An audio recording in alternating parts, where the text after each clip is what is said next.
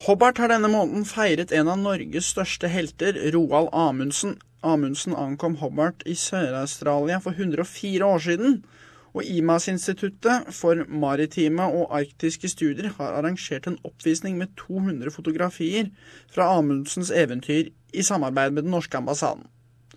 Direktør for IMAS, professor Coleman, sier at høydepunktet var en byste av Amundsen som ble overlevert som en gave fra Norge. Bysten er en av fem i verden. Outside the IMAS building, um, we'll re-put um, a bust of Amundsen. So that bust is one of five globally, um, and it's been in Hobart um, since the Norwegian government um, gave it to Australia and, and then uh, to Tasmania. So that was presented to the people in 1988. Han mener også at Amundsen har hatt stor betydning for han som antarktisforsker.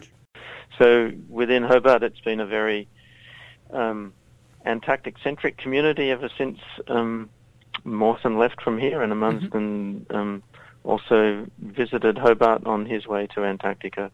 Mm.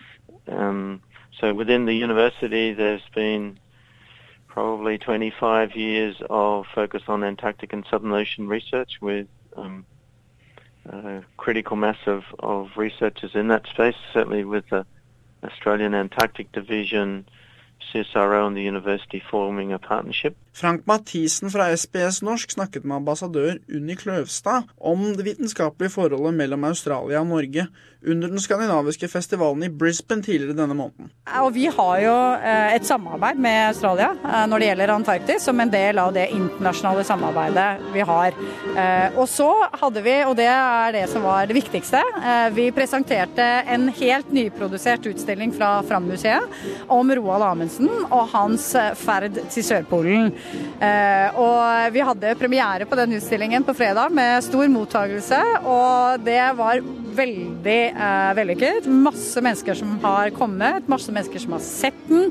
Eh, fått litt mediedekning der nede. Og stor interesse faktisk for Roald Amundsen, og ikke minst fordi han jo har en liten tilknytning til Hobart. Hun mener Hobart er fryktelig stolte av historien om Amundsen og Sydpolekspedisjonen. Men kan hun selv historien om Amundsen i Australia? Da han hadde nådd polpunktet eh, og returnerte med Fram og mannskapet sitt, så var Hobart og Tasmania det første stedet de ankret opp etter at de hadde gjort den ekspedisjonen.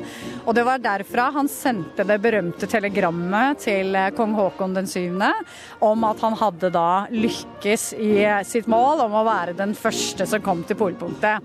Eh, og det er en historie som er kjent eh, for de fleste i Hobart, og som de er fryktelig stolte av. Unni deltok på åpningen av arrangementet, som gikk av stabelen for en drøy uke siden, og hun kaller det en stor suksess. Det var kjempeflott å komme hit. Det er så mye folk. En fantastisk dag med sol og varme etter det jeg skjønner var et skybrudd i går, nesten.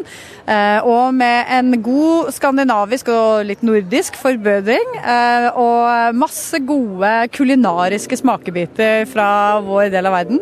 Så dette har vært veldig fint.